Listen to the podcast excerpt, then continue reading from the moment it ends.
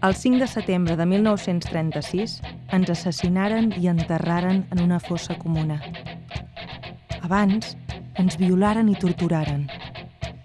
Aquesta és la nostra història. Aquest és el meu diari. Diari d'una batalla.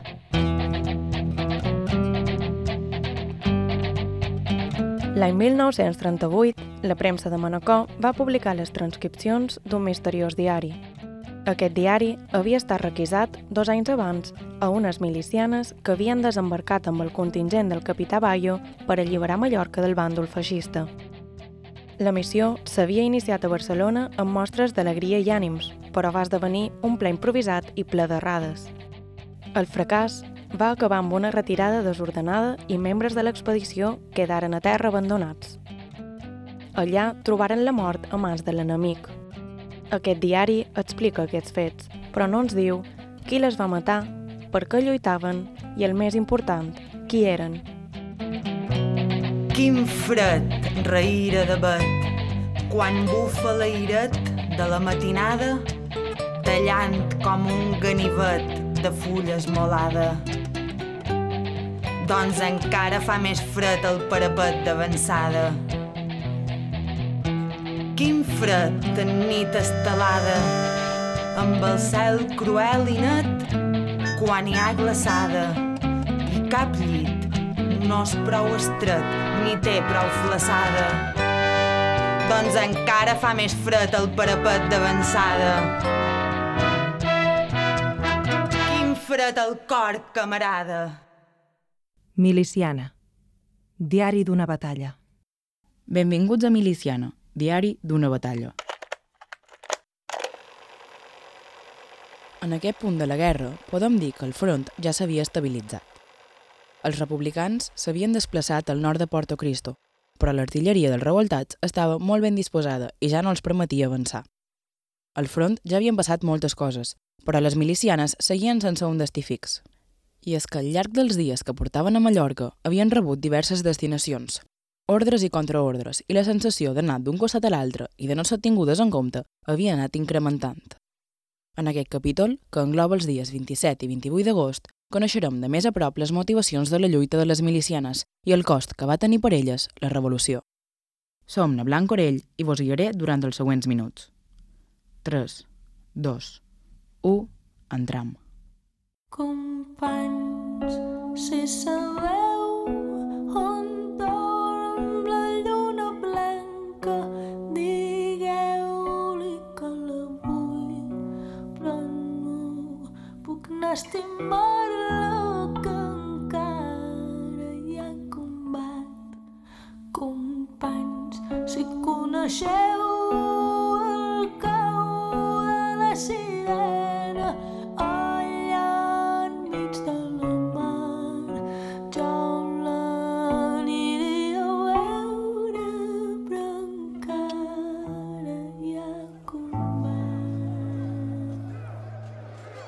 Capítol 4.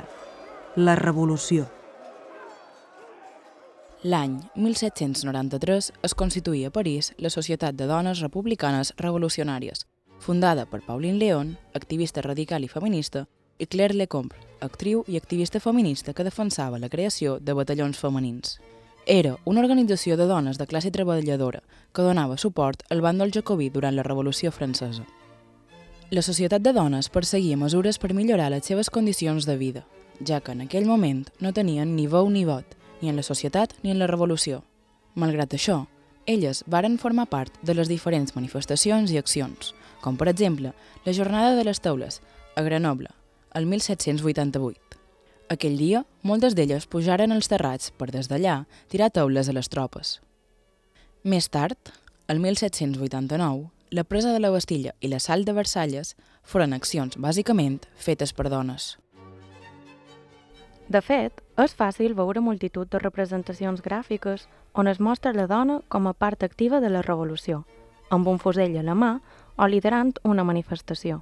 Així doncs, dins el nostre imaginari, els idearis de la Revolució Francesa estan molt lligats al paper de la dona. Potser l'exemple més clar és el de la llibertat guiant el poble, d'Eugène Delacroix, una de les obres més visitades al Museu del Louvre, que tot i fer referència a la Revolució de 1830, està inspirat pels fets de la Revolució Francesa de 1789. Allà podem veure com una dona avança damunt una muntanya de cadàvers liderant un grup d'homes de totes les classes socials, des de burgesos fins a treballadors i pobres. Amb la bandera tricolor a una mà i un fusell a l'altra, mira enrere per veure si la segueixen. El cap porta un característic barret frigi, símbol de la llibertat.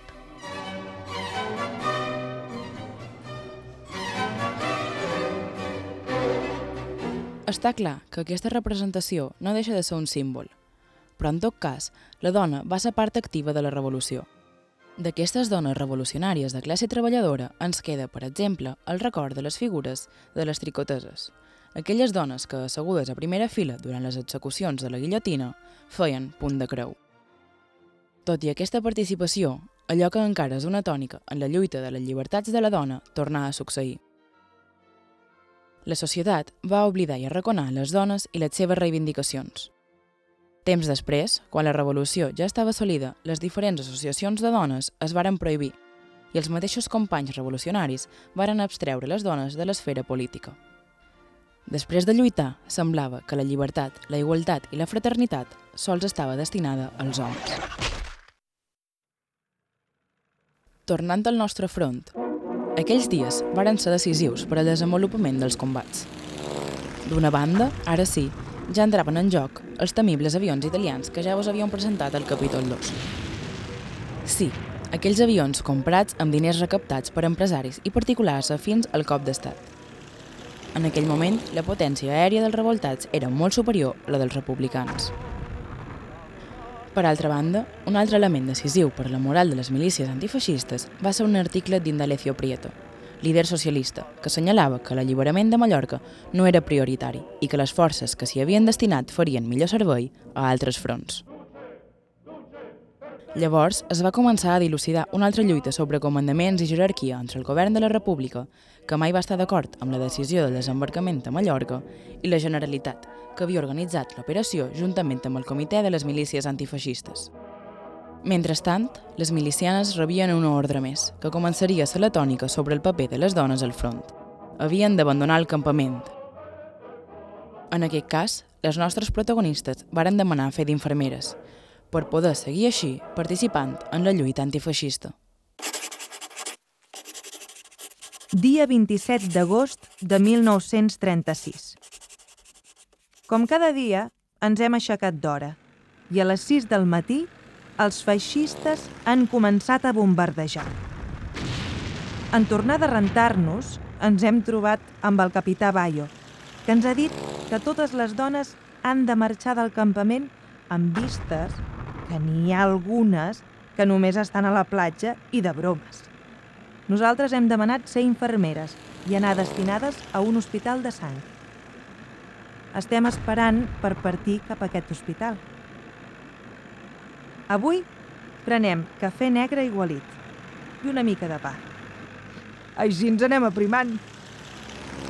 Des de les 10 del matí, els feixistes estan bombardejant fortament els hidroavions sense ferir-ne cap. De seguida s'enlairen per bombardejar-los i els fan callar una mica. Aquesta tarda, després de sopar, hem estat destinades a l'Hospital de Sang. De moment, estem exposades a un perill constant sense fer una feina útil.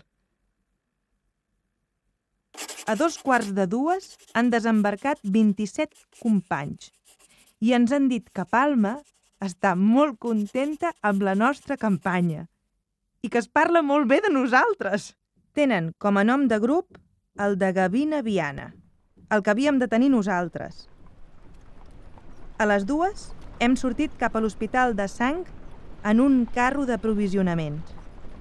El camí era tan ple de pedres que m'hi he deixat les costelles baldades. Hem arribat a les 3.30, després de caminar un bon tros, ja que el carro no arribava fins aquí. Tot just arribar, el primer que he fet ha estat anar al metge. M'ha visitat i m'ha dit que tinc una distensió al genoll. M'ha posat ioda i me l'ha envenat. I m'ha dit que serà cosa de 3 o 4 dies. Hem pres un ou batut i ens han repartit roba. Crec que aquí ens estarem una temporada llarga i estarem molt bé. Ens ha causat impressió asseure'ns en cadires. Feia 13 dies que no ho fèiem. A la nit ens hem ficat al llit amb llençols. Però en contra del que pensàvem, no dormim bé. Resulta que érem nou dones a una habitació sense ventilació i amb tanta calor que no es podia dormir. L'organització de les milícies, tot i que al principi fos un ens popular, seguia un ordre jeràrquic. El Comitè Central de Milícies Antifeixistes de Catalunya era l'òrgan encarregat d'aquesta organització. Els encarregats de cada partit, organització o sindicat es repartiren els apartaments per poder fer feina conjunta. Les milícies ciutadanes, ja al peu del canó, es dividiren en columnes i agrupacions. Com ja vos deu sonar, duien el nom de diferents personalitats que els encapçalaven o d'altres persones importants com Durruti, Jubert, com també de lemes com Terra i Llibertat. I entre totes aquelles destaquen noms com el de Gavina Viana, que coneixem gràcies al treball de Gonzalo Berger i Tania Balló en el llibre Les combatents.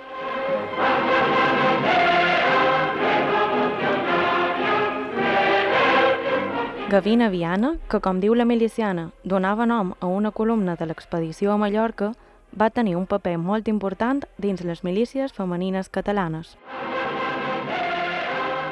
Originària de Sant Sebastià, va ser secretària de la secció femenina del PSUC, on militava, i secretària de Guerra de les Milícies. A part, també va militar en la Unió Socialista de Catalunya i més endavant el Socors Roig Internacional.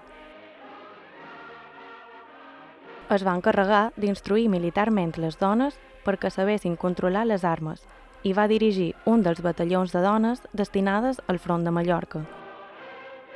Va ser de les capdavanteres del batalló femení de les milícies antifeixistes de Catalunya i una gran defensora del paper principal de la dona al front.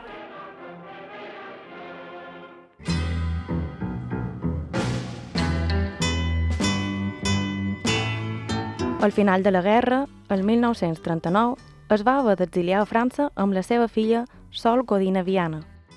Des d'allà va intentar partir a Mèxic, però ni les institucions mexicanes ni les basques no la varen poder ajudar. El 1944 va intentar tornar a Espanya i tot i que el govern li va acceptar la petició, mai va passar la frontera, perquè fer-ho suposava una detenció segura. A partir de llavors, va malviure en la misèria, gairebé sols amb l'ajuda de Spanish Refugee Aid, una organització nord-americana que ajudava els refugiats espanyols, fins que el 1960, amb problemes de salut, va tornar a Catalunya per instal·lar-se a Malgrat de Mar, on va viure amb la seva filla i el marit d'aquesta, a més de retrobar-se amb la seva parella, Josep Codina. El paper rellevant de les dones al front no va durar gaire. Així com els primers mesos de guerra la imatge de miliciana va ser utilitzada com a reclam d'homes al front, més endavant va canviar. Un reflex d'això el trobam en les imatges de la guerra. Les imatges i la cartelleria són elements que perduren en el temps, i com després de qualsevol fet històric, amb la Guerra Civil va passar el mateix. Són molts els cartells propagandístics que es varen crear per incentivar els homes a allistar-se o per vendre alguna idea concreta en cada un dels bàndols. Els nacionals, principalment, representaven els valors tradicionals, catòlics i feixistes. En canvi, els republicans volien vendre més una idea de llibertat i progrés. Part de la iconografia republicana va evolucionar la idea que tenia el bàndol sobre el paper de la dona. En un inici es varen utilitzar imatges de dones. La imatge que es veia representava una dona política, forta i en lluita. La típica imatge d'una dona jove amb les faccions marcades, els llavis pintats i una granota blava amb el puny alçat i convidant a la lluita. En aquell moment, ja fos per reclutar més gent, homes i dones, o per incentivar els homes a anar al front, la dona formava part de la lluita.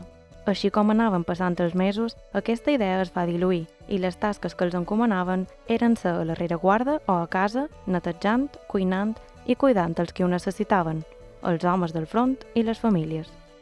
Alguns exemples d'aquesta evolució són de l'any 1936, una il·lustració de Cristóbal Arteche de la característica miliciana amb un fusell a la mà i vestida amb la granota blava.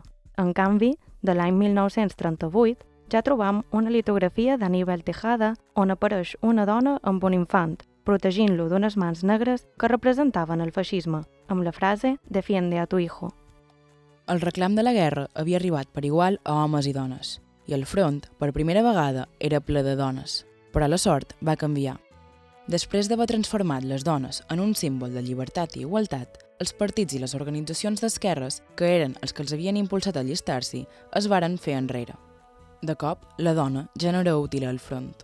No acaba de ser clar si Francisco Largo Caballero, president del govern i ministre de la guerra, va ser l'artífex d'un decret per expulsar la dona del front o si fou una decisió presa pels alts comandaments o pels mateixos companys. Però el que sí se sap en seguretat és que després de lluitar durant mesos al front, la dona fou enviada a la rereguarda o a casa. La figura de la miliciana fou desprestigiada i per argumentar aquest canvi de posició s'utilitzaren arguments que reflecteixen perfectament el masclisme imperant de l'època. Els motius evidenciaven la desorganització general que hi havia. El primer motiu era que, objectivament, no estaven tan capacitades com els homes per lluitar i disparar. Però la idea que les dones no estaven tan ben preparades va ser pròpiament culpa dels partits i les organitzacions, que no les varen instruir, ni a elles ni a ells. Però, és clar, en el cas dels homes, ningú qüestionava que no estiguessin a l'altura de les circumstàncies. El segon motiu que s'argumentava era que moltes de les milicianes eren prostitutes i desgastaven i despistaven els homes de la tasca principal al front, lluitar. El paper que tenia la dona al front, vist únicament com el de treballadora sexual o d'entreteniment de l'home, continuava reflectint el masclisme que patien, encara que fossin el bàndol republicà. Els homes d'esquerres, encara que predicassin un discurs menys arcaic, eren igual de masclistes que els de dretes i seguien reproduint els rols de gènere establerts. Finalment, el que volien era relegar les dones a les tasques domèstiques, que estaven molt feminitzades, com per exemple les cures i els proveïments. Que els encarregassin les tasques domèstiques tampoc no era cap sorpresa. Ho feien elles tant al front com a la rereguarda, com si quedaven a casa. Eren, simplement, unes feines que els homes no havien fet mai i, per tant, es donava per entès que ho havien de fer les dones. Per tots aquests motius, ja no es va animar cap dona a allistar-s'hi. És més, s'intentava impedir-ho. Així i tot, algunes varen quedar, però varen ser poques. Dia 28. Ens aixequem a les 6 i esmorzem cafè amb llet. A mi m'encarreguen cuidar de 13 malalts i donar-los d'esmorzar. A una de les sales hi ha un piano no puc resistir la tentació de tocar. Tots em demanen de seguir, però la Irene, la infermera encarregada, diu que no és convenient. De menjar, aquí anem bé. Però no estem gaire contentes. Ens veiem hostilitzades per part de les de Sabadell. No sabem per què no ens parlen i s'aparten de nosaltres. Els nois malalts ens han tornat a demanar que toquem el piano i així ho fem la Dària i jo. Després he començat a fer el menjar pels malalts. Sopa de maqui i truita de patates. I a la una l'he servit. Els pobres malalts protesten del menjar i tenen raó. No pot haver igualtat i fraternitat mentre els malalts geuen en matalassos al terra, tapats de qualsevol forma, i els metges i la col·lecció de romanceros i ganduls que omplen els comitès i els hospitals estan en els seus bons llits i mengen en el menjador amb abundància, amb cafè, postres... I jo em demano, per què aquesta injustícia? No és un escarn pel malalt, que es veu com un gos en el terra, brut i abandonat, atès que acaba de vessar la seva sang per la causa comuna que ha de redundar en el bé de la humanitat? Però no, és una quimera de ments com la meva, que ho miro sota el prisma de la idealitat de la igualtat. Durant la nostra existència, només veurem el que impera a tot el món. Egoisme, injustícies i desigualtat. I tot aquells que proclamen la igualtat ens mostren que els seus actes, que en ells també alberguen tants i tan mal instints com els d'aquells els qui hem vingut a combatre. I aquesta és la idea de llibertat per la qual tanta sang es vessa? No fastigueix a veure entre nosaltres mateixos el desig de ser igual que els canalles que combat el poble? Por, paura i ràbia em fa pensar que sigui estèril el sacrifici iniciat per tants germans de la causa comuna, als quals no importa sacrificar les seves vides perquè uns altres, que mai han exposat res, vinguin a recollir el fruit de la seva collita regada amb tantes vides. I tot això perquè segueixin tiranitzant el pobre poble espanyol, que mai es redimirà ja que perquè això pogués ocórrer no hauria d'existir el que és l'imperi de la humanitat grullera i brutal, l'egoisme. On són les doctrines tan esbombades? Existeixen? Sí, però en el veritable idealista, aquell que lluita i dona el pit i la cara. Però els dirigents? No, no i no! Deixem aquesta farsa d'idees i esperem. El què? Res. Sols continuar arrossegant una vida cada vegada més miserable, ja que el camí que hem emprès l'anem deixant ple de pedaços de la nostra idealitat, de la nostra pròpia vida, i el nostre ideari es va convertint en desesperança, decepció i deixadesa. Total, per deixar que aquesta mateixa vida ens porti per camins de nous desenganys, a un final de l'existència que tots desconeixem. Serà llavors quan podrem trobar aquella veritat que en va anem buscant? Qui ho sap?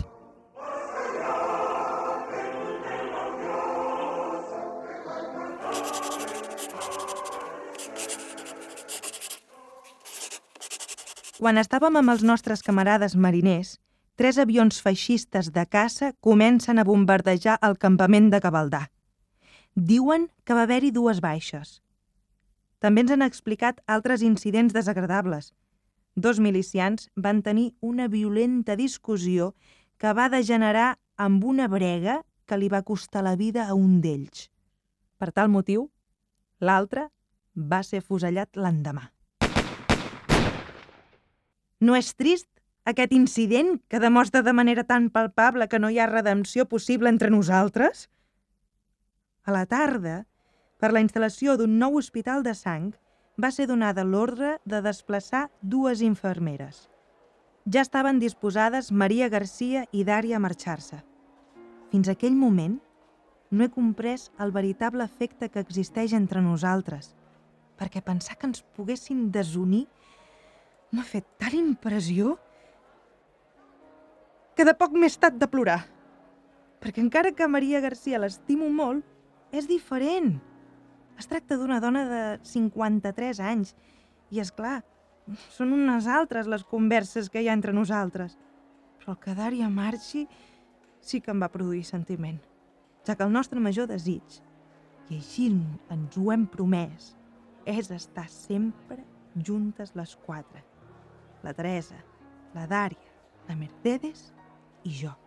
Afortunadament, després d'explicar-li al metge el nostre desig de romandre juntes, aquest acaba cedint i vam anar a l'Hospital de Sang. Quina decepció la nostra en veure que es tracta tan sols d'un paller! Vam menjar una mica de formatge i vàrem començar a preocupar-nos del dormir. Portem sacs de palla i els posem al terra de la cuina i els cobrim amb un llençol. Així dormim, tot i que no ho aconseguim. Principalment jo. Quina nit de calor! Tota la nit suant. I bé, sembla que el malestar no és només físic. Si bé el diari recull les penúries diàries de la guerra, menjar poc, dormir malament i el perill constant, sembla que el neguit que suposen no és res comparat amb el malestar profund per les situacions d'injustícia que els toca viure. Aquest fragment del diari és el que ens mostra amb més claretat els ideals polítics de la seva autora i també el que evidencia més a les evinences amb el funcionament del bàndol republicà. En ell, veiem clarament que hi ha un xoc entre les expectatives que tenien les protagonistes del diari i el que es varen trobar al front. Un xoc que, com hem vist, han patit moltes altres dones que han vist com en moltes lluites i revolucions, quan la causa comuna s'ha aconseguit, la seva lluita particular o la causa feminista ha passat a segon pla o simplement s'ha esborrat. En aquest cas, l'anhelada revolució llibertària xoca de ple amb aquells que, malgrat compartir la causa comuna contra el feixisme, es resisteixen a un canvi més profund i reprodueixen la societat jeràrquica i masclista. Les darreres línies ens mostren com els ideals de la protagonista han quedat sotmesos a una estructura jeràrquica que no representa el seu ideari polític i que s'imposa sobre les seves voluntats. Dins del mateix bàndol segueixen havent-hi classes i desigualtats, en aquest context, és clar, les dones tenim les de perdre. Les milicianes són enviades amunt i avall i finalment a la rereguarda, a cuinar i a fer feines de cures, lluny del camp de batalla i cada cop més lluny de guanyar-se la llibertat. Malgrat tot, el seu compromís amb la lluita antifeixista segueix viu i decideixen quedar a l'expedició com a infermeres. En contrast amb aquesta jerarquia que organitza el seu dia a dia, les protagonistes estan cada dia més unides. La situació és desesperançadora. Desorganització, menyspreu i malestar.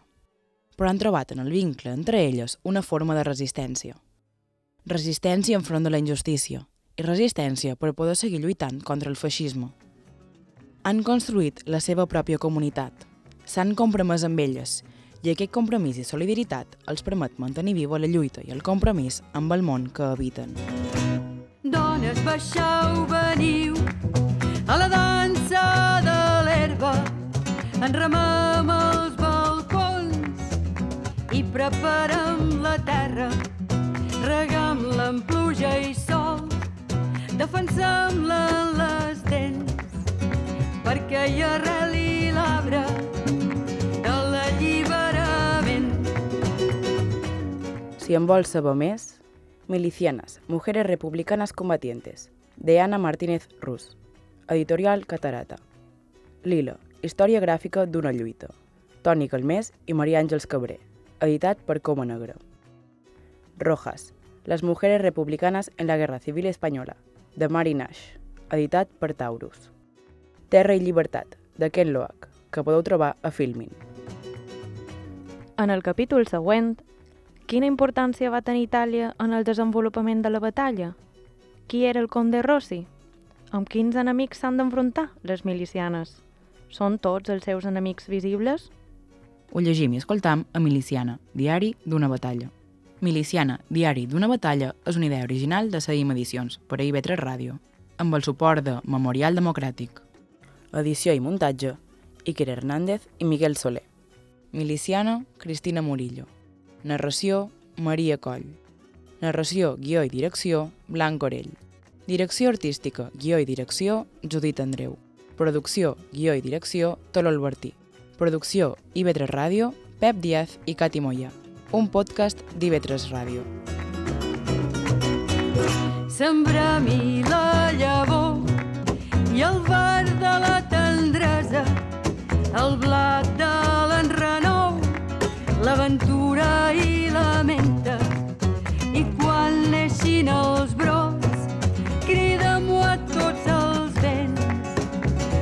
s'espigui l'arbre de l'alliberament.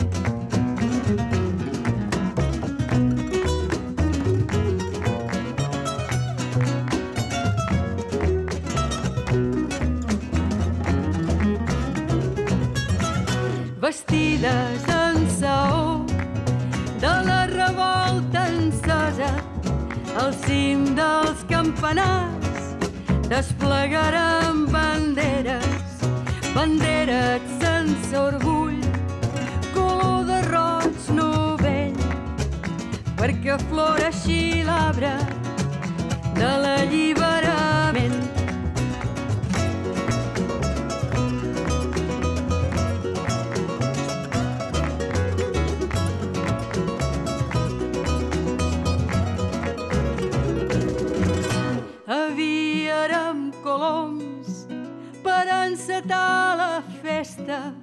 Inventarem camins en cels sense fronteres. Arreu tindrem hostal, farem convit arreu amb la fruita de l'arbre de l'alliberament.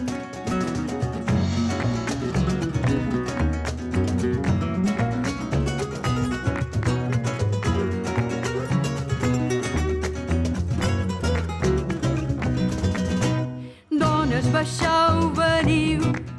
A la dansa de l'herba, enramam els balcons i preparem la terra, regam-la amb pluja i sol, defensem-la en les dents, perquè hi arreli l'arbre de la llibertat